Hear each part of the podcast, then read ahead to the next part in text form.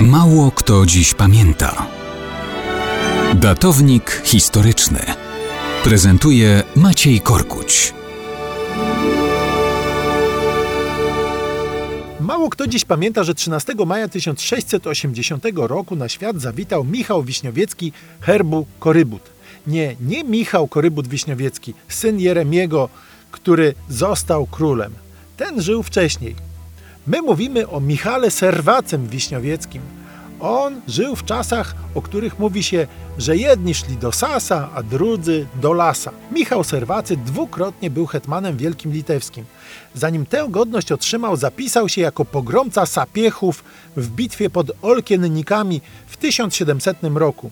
Bitwie tyle krwawej, co tragicznej i niepotrzebnej, jak każda wojna domowa zresztą. Czasie wojny północnej walczył przeciw Szwedom, ale też nieustannie przeciw Sapiechom. W nagrodę otrzymał od Augusta II Mocnego godność hetmana wielkiego litewskiego, o której wspomnieliśmy. Ale po wymuszonej abdykacji Sasa Michał Serwacy Wiśniowiecki znalazł się po stronie wspieranego przez Szwedów króla Stanisława Leszczyńskiego, czyli Lasa. Wiśniowiecki wówczas skromnie zrezygnował z hetmańskiej buławy. Dzielnie walczył przeciw Rosjanom, ale po klęsce Szwedów pod Połtawą dostał się Michał Serwacy do rosyjskiej niewoli. Stamtąd zbiegł i przez lata tułał się po Prusach, Węgrzech i Turcji. Powrócił w 1716 roku. Znowu zyskał przychylność przywróconego do tronu Augusta Mocnego. I to było przejście od Lasa do Sasa. Po śmierci króla walnie wsparł u boku Rosjan elekcję jego syna, Augusta III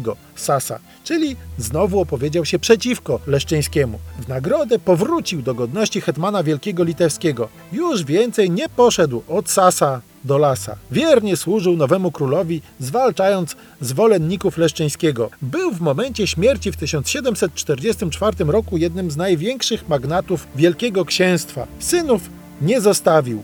Obaj zmarli w niemowlęctwie, co skutkowało tym, że wraz ze zgonem Michała Serwacego nastąpił koniec wielkiego rodu Wiśniowieckich. Na wspaniałym pogrzebie oficjalnie więc dokonano złamania tarczy herbowej Wiśniowieckich na znak wygaśnięcia tegoż rodu. Taki był finał żywota Michała Serwacego Wiśniowieckiego, który zaczął u Sasa, był u Lasa, ale finalnie skończył na powrót u Sasa.